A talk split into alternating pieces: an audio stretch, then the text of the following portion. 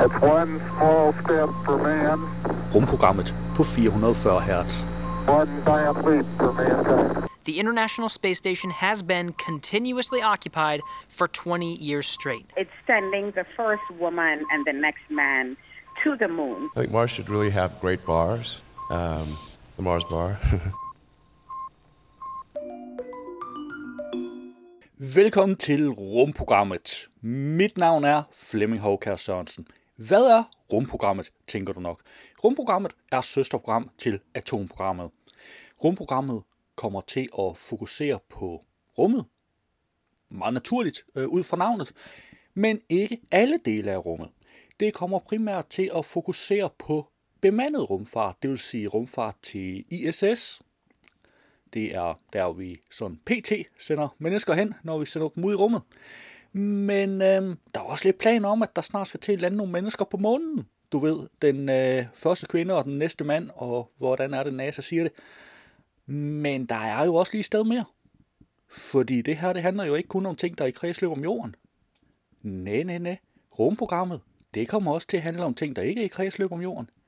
Fordi der er jo nogen, der er måske lidt optimistisk, men der er jo nogen, der er den overbevisning, at de er i stand til at sende mennesker mod Mars allerede i 2024. Den tidsplan kommer så nok ikke til at holde, men... Nej, men altså nævnt øh, nogen er jo øh, Elon Musk med hans SpaceX, og Elon Musk er kendt for at være optimistisk med hensyn til tidsplaner. Så 2026-2028, sådan ting er nok mere realistisk for, at, for opsendelsen af det første menneske.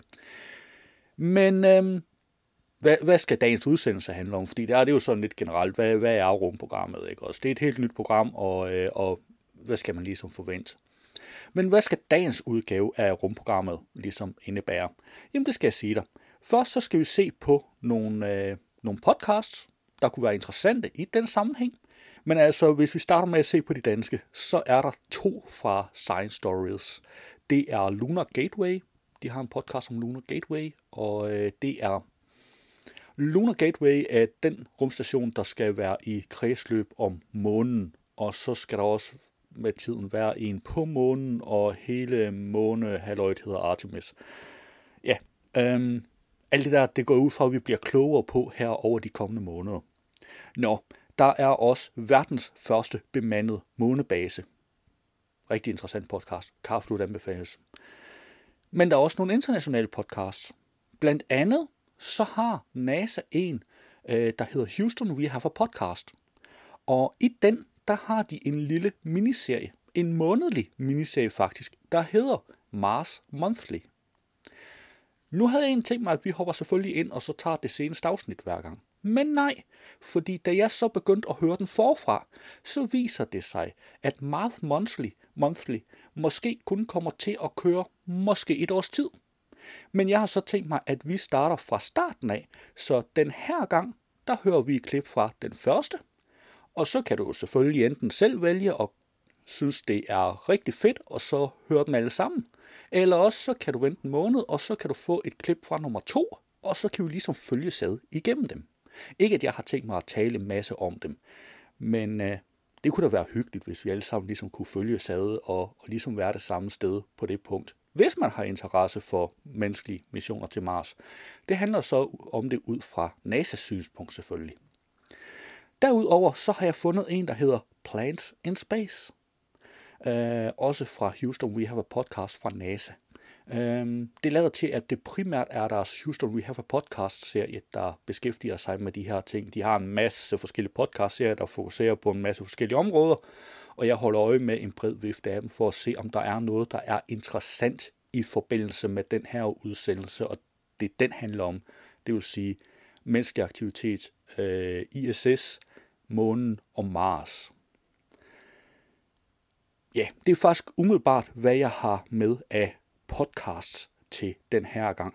Men jeg har der selvfølgelig også lidt nyheder med. Ikke super mange, skal vi ikke bare være ærlige omkring det. Øh, fordi modsat podcast, hvor jeg er gået op til en par måneder tilbage med undtagelse af, af øh, Marth Monthly, hvor jeg er gået tilbage til start. Med, med undtagelse af det, så ved nyhederne, der er det altså kun december.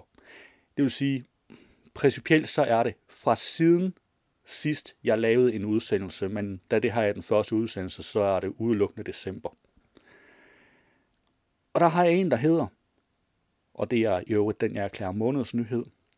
Hvor er den internationale rumstation om 10 år?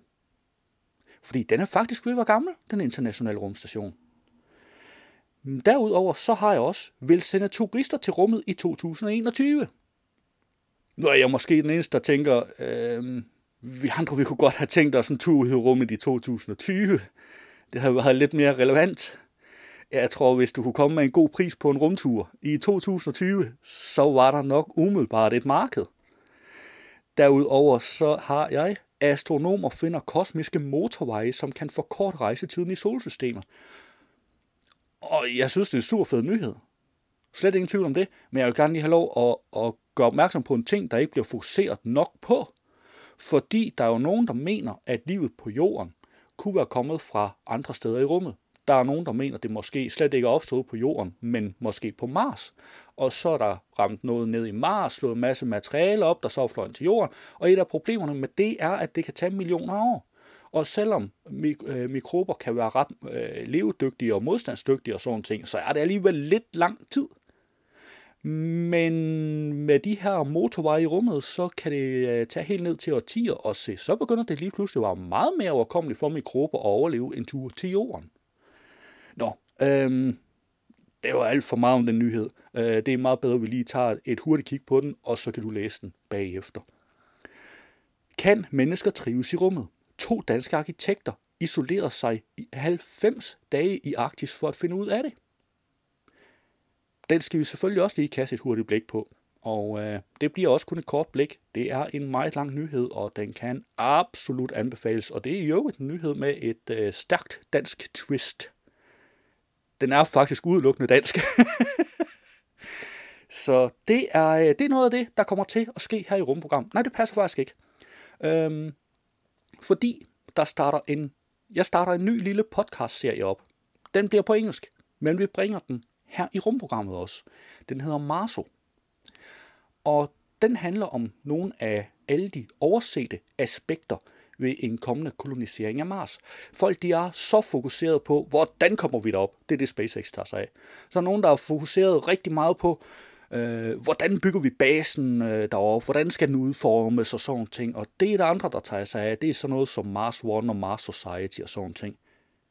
Men hvem tænker lidt på, øh, hvad med tidsregning? Øh, altså skal vi stadig inddele døgnet 24 timer og justere sekundet? Skal vi, når vi alligevel er i gang med at justere sekundet, skal vi så egentlig ikke bare droppe det der 24 timers døgn, så måske indføre 10 timers døgn eller 25 timers døgn?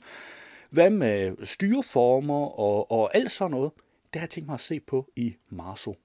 Øh, denne måneds øh, udgave af Marso er en introduktionsepisode, øh, episode, hvor jeg ser på, hvad det er, jeg kommer til at se på hen over de næste herrens mange måneder. Det var en lidt lang introduktion her, øh, en lidt lang start, det ved jeg godt, men det er også det første udsendelse. Vi skal lige have klarlagt, hvad er det egentlig for en udsendelse. Næste gang, så bliver det jo meget kortere, fordi så ved vi allerede, hvad det handler om. Jeg vil ønske dig rigtig god fornøjelse med denne premiereudsendelse på rumprogrammet. Lad os se på nogle af månedens interessante rumpodcasts. Denne gang har jeg også en udgave af Science Stories podcasten. We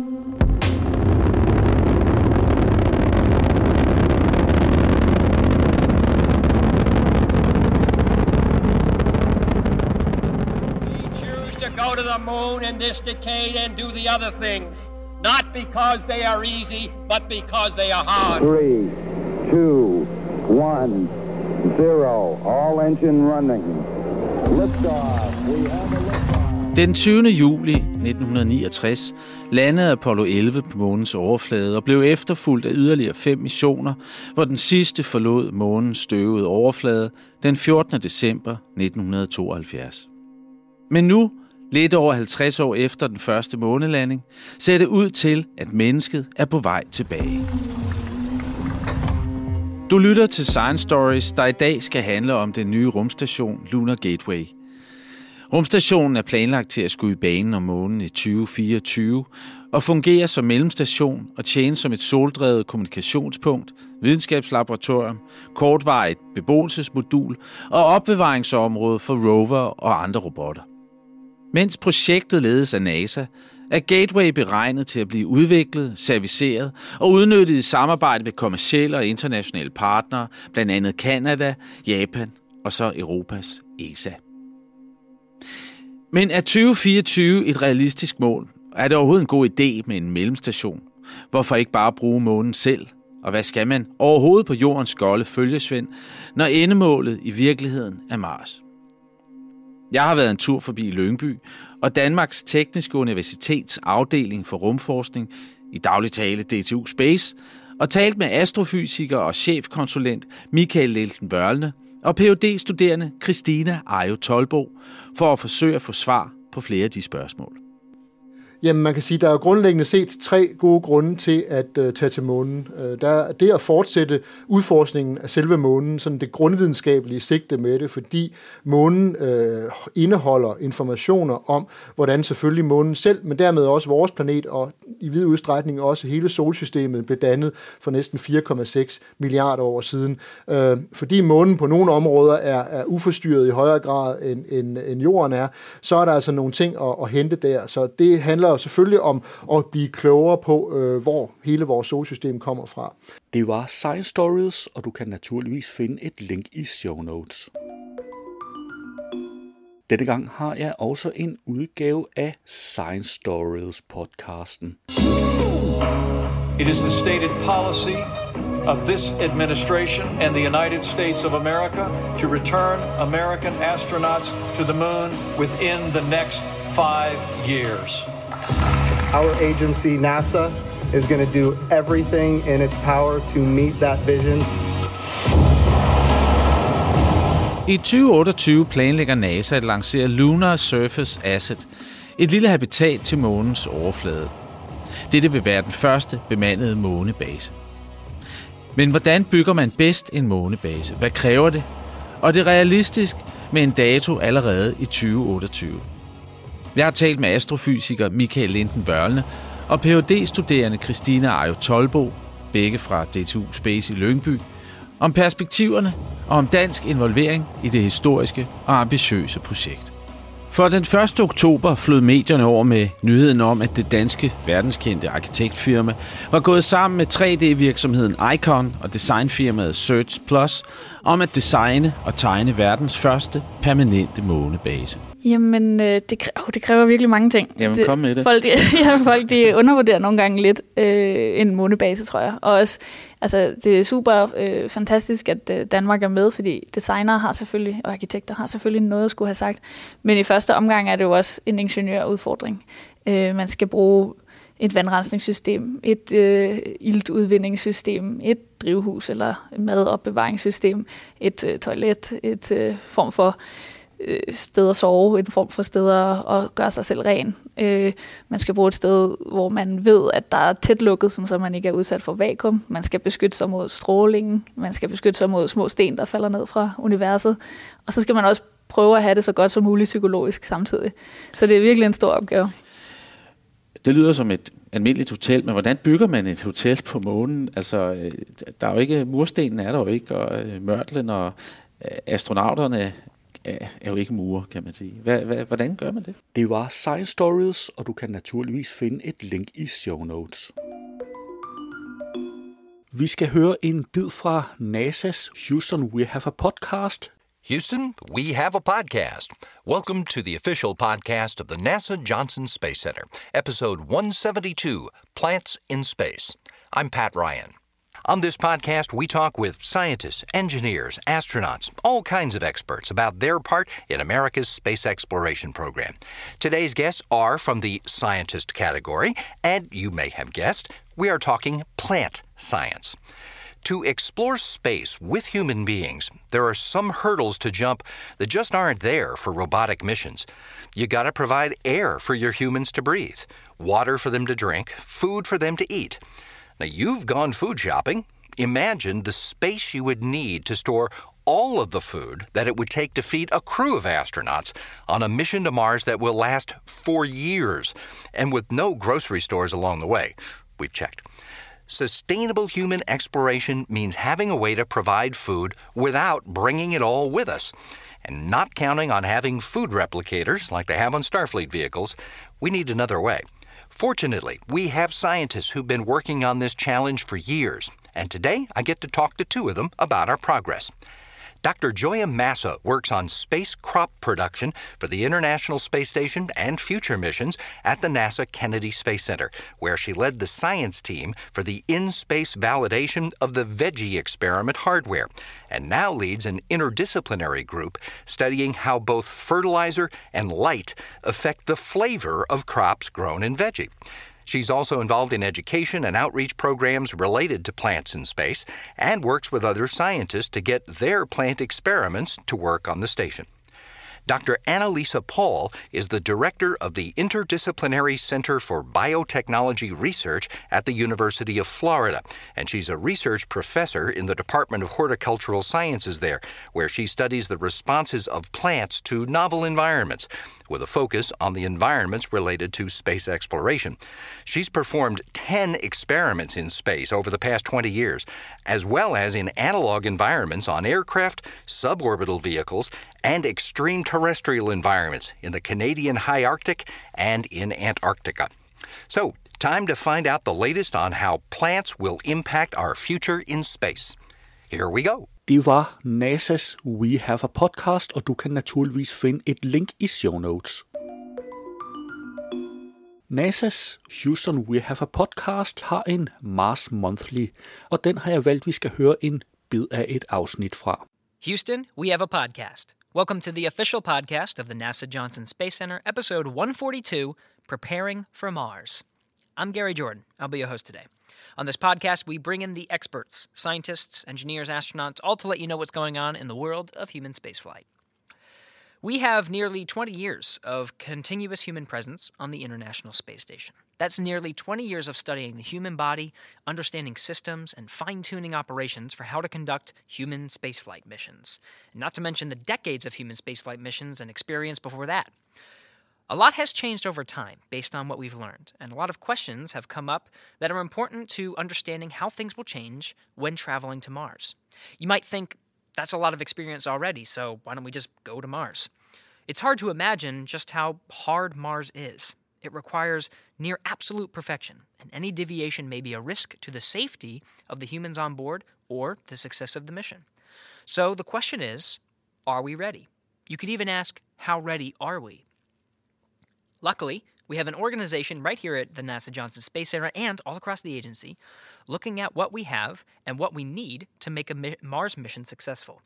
Michelle Rucker is a Mars integration lead at Johnson Space Center for the Mars Integration Group, a team that spans across all of NASA. She's a 33 year veteran of NASA, joining in the aftermath of the uh, Space Shuttle Challenger accident and supporting the investigation by conducting booster material tests and analysis.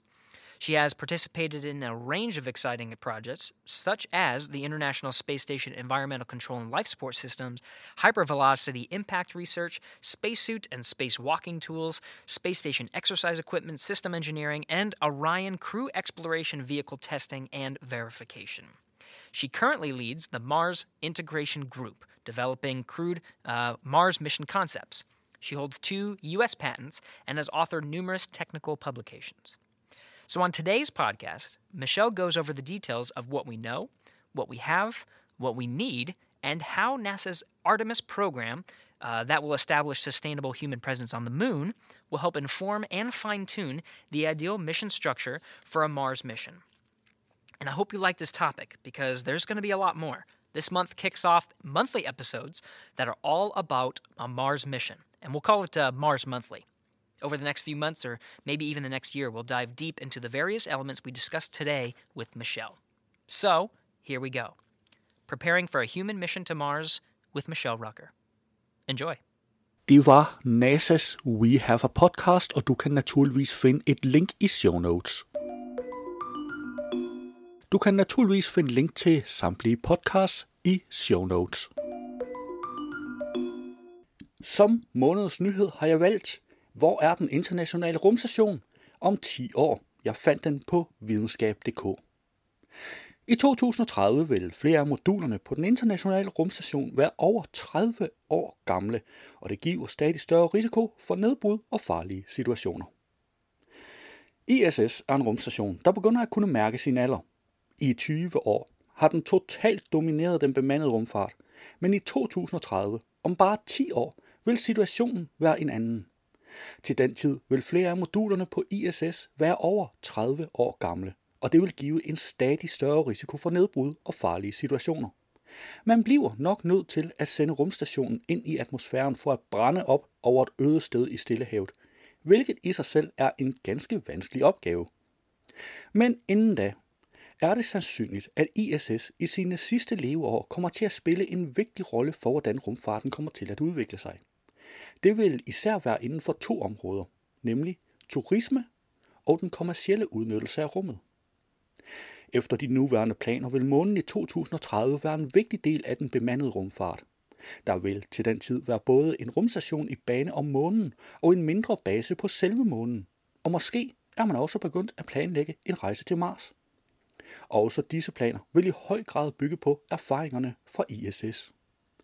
Frem til 2030 vil ISS stadig være det vigtigste rejsemål for astronauter, så derfor er det interessant at se på, hvad der vil foregå på rumstationen de næste 10 år.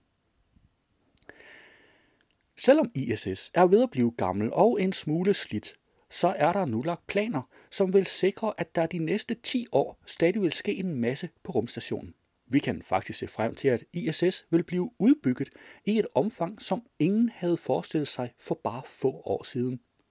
Således vil der i de kommende år komme ikke mindre end fire nye tilbygninger til ISS. Og især den fjerde kan få stor betydning for fremtiden på ISS.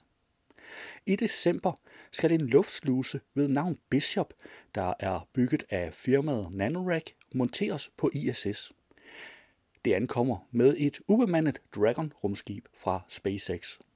Bishop skal ikke bruges af astronauter, men til at sende små satellitter ud i rummet fra ISS. Der findes allerede en sådan sluse på ISS, men den er lille og kan slet ikke klare det behov, som har vist sig. Den sluse, der allerede findes, er monteret på det japanske modul Kibo og har allerede været anvendt til at sende flere hundrede af de små såkaldte CubeSats ud i rummet. Hver CubeSat vejer kun mellem 1 og 5 kilo, og de bruges i høj grad til at afprøve ny teknologi og nye instrumenter. Bishop er større og kan klare satellitter på op til 1.500 kilo. Men der er også andre opgaver. Således skal Bishop bruges af det japanske firma Gitai til at afprøve en robot, som på sigt kan bruges til at aflaste astronauterne. I maj 2021 opsender russerne deres stærkt forsinkede Nauka-modul, som skal give russerne mere laboratorieplads. Noget de i høj grad mangler. Og i slutningen af 2021 opsender russerne en såkaldt node ved navn Prycell. En node er en sammenkoblingsenhed, der gør det muligt at koble flere moduler og rumskibe sammen. Prycell har hele fem porte beregnet til sammenkobling, og modulet giver dermed mulighed for en betydelig udvidelse af ISS. Når Price Land kommer, er det meningen, at Nauka skal flyttes til en af disse porte, mens de fire andre så kan bruges af Progress og Soyuz rumskibe. Alene disse tre tilbygninger viser, at man regner med, at ISS kan holde i hvert fald nogle år endnu. Men i 2024 kommer den fjerde og og måske mest betydningsfulde tilbygning til ISS. Det amerikanske firma Axiom, som om få år måske vil være lige så kendte som SpaceX, har nemlig en plan om at koble moduler til ISS, som på længere sigt kan blive til en selvstændig rumstation. Grundlæggende er ideen at få nogle særlige moduler til ISS, som kan anvendes til både turister og forskning. Modulerne er bygget, så de kan kobles til ISS, men de kan også klare sig selv den dag, man beslutter at lade ISS brænde op i atmosfæren. Ganske kort tid før beslutningen om at forlade ISS permanent, opsendes et særligt modul, der er udstyret med solpaneler og styremotorer. Når dette modul er koblet til Axioms moduler, frigøres resten af ISS, og afsted flyver nu en helt ny rumstation. Måske ikke så stor, men den vil forblive ude i rummet længe efter, at ISS er blevet historie. Artiklen er faktisk ganske meget længere end det, men jeg kan absolut opfordre dig til at klikke på linket i show notes. Lad os se på nogle af månedens nyheder. På Ekstrabladet har jeg fundet, vil sende turister til rummet i 2021. Det meste af jorden er farvet orange, når man kigger på Udenrigsministeriets verdenskort, men rejser hinsides atmosfæren står der ikke noget om. Måske er det på tide med en udvidelse af rejsevejledningen. Rumfartsselskabet Virgin Galactic melder nemlig, at det er klar til at sende turister til rummet i 2021. Inden de når så langt, skal Virgin Galactic dog lige have sig flueben ved de sidste forberedelser med tre testflyvninger. På videnskab.dk fandt jeg, astronomer finder kosmiske motorveje, som kan forkorte rejsetiden i solsystemet. Astronomer har i et nyt studie kortlagt et netværk af usynlige strukturer af rummotorveje, baner skabt af samspillet mellem planeternes tyngdekraft, som objekter kan rejse langs, skriver Science Alert. Langs disse baner kan objekter som asteroider og kometer rejse meget hurtigere gennem det interplanetare rum end normalt i løbet af årtier, frem for de meget større tidsskalaer på op mod 100.000 eller endda millioner af år, som det ellers kan tage. Kan mennesker trives i rummet? To danske arkitekter isolerede sig 90 dage i Arktis for at finde ud af det. Denne artikel handler om to danske rumarkitekter, der netop er vendt hjem fra en tre måneder lang mission i en forladt nordgrønlandsk mineby, her, knap 4.000 km fra København, skulle de teste deres rumhabitat, som de håber kan blive en af fremtidens almene rumboliger. Deres tur er blevet fuldt tæt af forskere fra syv forskellige lande, der alle håber på, at missionen kan give ny viden om, hvordan mennesker kan trives bedre i rummet. En af arkitekterne bag, Sebastian Aristoteles, fortæller om missionen til videnskab.dk. Du kan naturligvis finde link til alle nyhederne i show notes. Nu er vi nået dertil, hvor vi skal høre månedens udgave af Marso.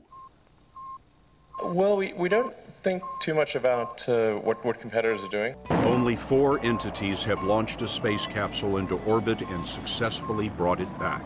The United States, Russia, China, There's sometimes a debate about going to Mars one way. You will not be sorry, or maybe you will. and Elon Musk. I think Mars should really have great bars. Um, the Mars bar. Marso, looking at some of the most often ignored aspects of the colonization of Mars. My name is Flemming Håkær Sørensen, and this is the first episode of Marso, a new podcast focusing exclusively on colonizing Mars. There's a lot of stuff going on with Mars right now. There's some people focusing all their energy on sending humans to Mars. SpaceX is an example. Elon Musk is very determined to send people to Mars. That's all very good and well. And sometimes he uh, he announces something on Twitter, and and it's all all great, great, great, really. Then there's Mars Society and Mars One. They have their focuses regarding Mars, but there's some things I feel is overlooked. Things that I at least find somewhat important. Because how about everyday life on Mars? I'm not thinking about should the habitats be small one family habitats or should it be large domes with cities uh, inside or well i'm not gonna say it doesn't interest me but there's plenty of people looking into that no what's really interesting is everything else how about which language should we speak on mars yeah this is uh, an intro episode by the way it's uh, usually I will be focusing on one specific topic, talk a lot about that. This is an intro episode. I'm gonna look at what is it you can expect for the next couple of months. perhaps up to a year. Which languages are we going to speak? Right now on the International Space Station, it's Russian and English. Those two languages are quite important. But how about Mars? Will we recreate the nation states of Earth just on Mars? Will we have an English speaking colony, a Russian speaking colony, a Chinese speaking colony? Yeah, that, that would be great, right? Let's recreate the nation states of Earth. Okay, you maybe get the feeling that I'm not really into that. Um, how about choosing one language? Should we all speak Russian on Mars? You're simply not going to get sent up there unless you speak Russian, or English, or Chinese, or whichever language we choose. Or should we choose a neutral language? I mean, Denmark is not a huge space nation. Uh, we could we could choose Danish for a future Martian colony. I mean, all Americans and Russians will struggle equally hard to learn Danish. I mean, it it'll it'll set us all equal.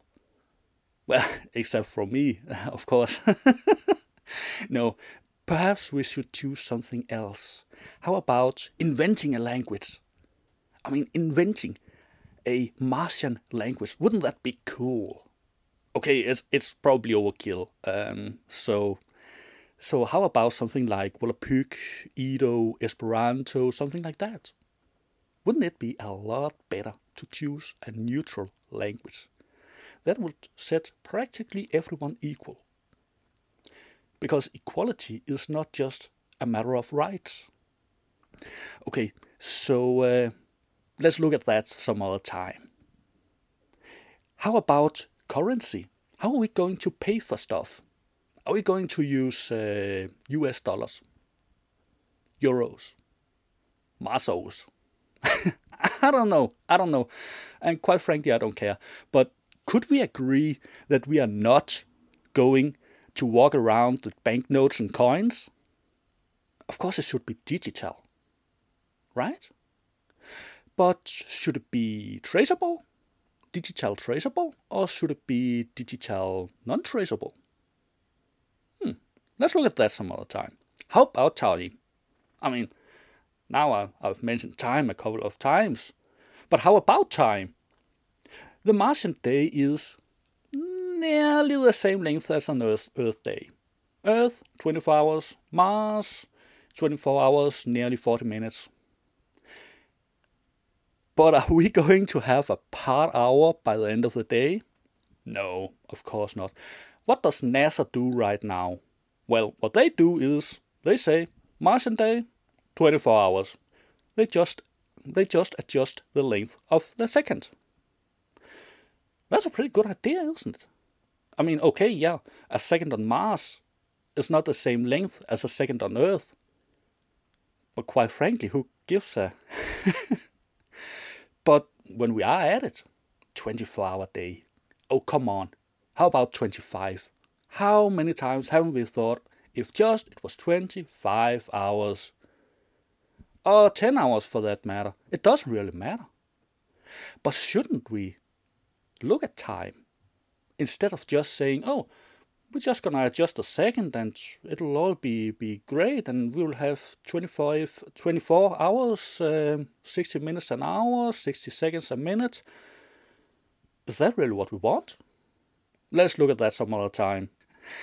Oh, then there's a whole great thing about navigation because we are so used to have GPS satellites in space around Earth and GPS receivers in our hands. Uh, I mean, everybody here listening to this probably is either listening on a cell phone or at least got one. And there's a GPS receiver. And we are surrounded by GPS. Moving to Mars? Mm-mm. No GPS. And I mean, that's all very good and well. If you're moving within a radius of 25 kilometers from your uh, Martian base, then you can see it. But how about if you move a little further away? I mean, getting lost on Mars, that doesn't really sound as fun as it could have been. I mean, it's not like you're just going to stop over somewhere, camp by a lake, and and think about it till tomorrow. Maybe stop someone on your way and and ask directions. I mean, that's just not what you're going to do on Mars. So perhaps we would need some way to find our way. Let's look at that some other time. Well, if we are going to redefine the second, how about the meter? Do, should we redefine a meter? Mm, probably not. What would we benefit? I mean, perhaps we should just keep it. Let's look at that some other time. How about power? Who needs to be in power? Are we going to have a base commander? A dictator? Or democracy? How are we going to organize this? And should it be base wide or should it be planetary wide?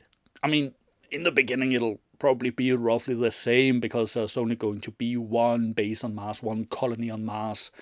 But what about when it expands? We're not just talking about the first few years here. We're talking about laying the ground for it. I mean, we should we should really think about this. I believe we should. Oh, there's a lot more to, to look at around here because how about education?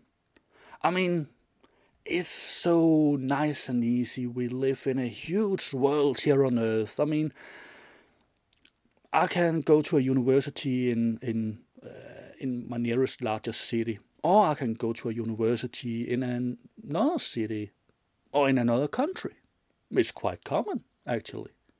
On Mars, if you want to to get yourself an education on Mars, it doesn't really matter if it's a university or, or some technical school or whatever it is. I mean, you don't have a lot of choice. So how do we do it on Mars? How about people's behavior? Is everybody going to behave nicely? Do we need laws, law enforcement? How are we going to sanction people? How about how about a social system? I mean, can we afford having people on Mars who, for some reason or another, lose their job and can't afford a place to live? I mean, what are we going to do? Throw them out in a spacesuit and say, yeah, you probably got oxygen here for five hours. That's really your problem. Wouldn't that be murder? What are we going to do about poor people on Mars? How about sick people? Are we going to say, yeah, um, that's really a shame. You can't afford treatment. In some countries on Earth, people are disabled by diseases and, and accidents that didn't really need to disable them, but they couldn't afford treatment. Perhaps a society on Earth can afford these people, but can a society on Mars? What should we do? Should we kill them off? Should we send them back to Earth? Should we take care of them? What are we going to do about them? Anyway, um, another thing, and that's for a much later date. Uh, I assure you that um, the most basic material on Earth for production of goods is plastic. I don't care what people say. Plastic, plastic, plastic. I mean, look around you. Can you find yeah, okay, you can find things that ain't made of plastic, but but look around you. You can't avoid plastic on Earth. We don't have dead dinosaurs in the ground on Mars. We can't pump up oil from the Martian underground and make plastic. Not gonna happen. We can make plastic on Mars, sure. I've heard that. I don't know if it's true, but but it was a quite knowledgeable man who said it. I can't remember his name, um, and I'm not going to use him as a source here for that very uh, obvious reason. But he was like, yeah, we can make plastic on Mars because there's a lot of chemicals in the atmosphere and in the ground. We can make chemicals on Mars. Uh, we can turn them into plastic, and and it'll all be good. But do we want to make the same mistakes on Mars as on Earth? I mean, I don't know if, we'll decide on not recreating Earth nation states on Mars, but but let's say we don't. Would we would we make an even bigger mistake and make bio non-degrade eller non-biodegradable plastic on Mars? No, probably not. Anyway, uh, we should probably round this up. This is the first episode, an intro episode. It's uh, it's gotten quite long. I don't know, or maybe it was quite short. I, I don't know because I don't know what length I will settle on for these episodes. Um, but there will be one topic each, and this was an overview of quite a lot of topics and some of my initial thoughts on them. But I would like to mention one thing because some people have raised concern. What if there was uh, microbes on Mars? Will we be contaminating Mars so we wouldn't be able to distinguish Martian life from Earth life? Probably not. I found an article. I originally intended to, to read a few paragraphs from it, but I don't really have time constraints on this podcast. But still, I think we should probably stop around here. Uh, so I would like to, to read something. Mars covered in toxic chemicals that can wipe out living organisms, tests reveal. Now, I think you should click on the link in show notes, and um, I think you should read it because it quite clearly states that there's no risk of contamination at all because on the surface everything will just die. I mean, if you leave out a few microbes, they will die. So you will have to dig quite deep, two to three meters, before there's any chance of finding anything that can have survived. So there's really no risk of contamination. Anyway, we should probably round this up, and I hope you will join again in a month. Det var månedens udgave af Marso, og der er et link i show notes. Det var alt, hvad jeg havde i rumprogrammet for denne gang. Vi lyttes ved om en måned. Rumprogrammet er hjemhørende på 440 Hz. Du kan finde mere på 440hz.net.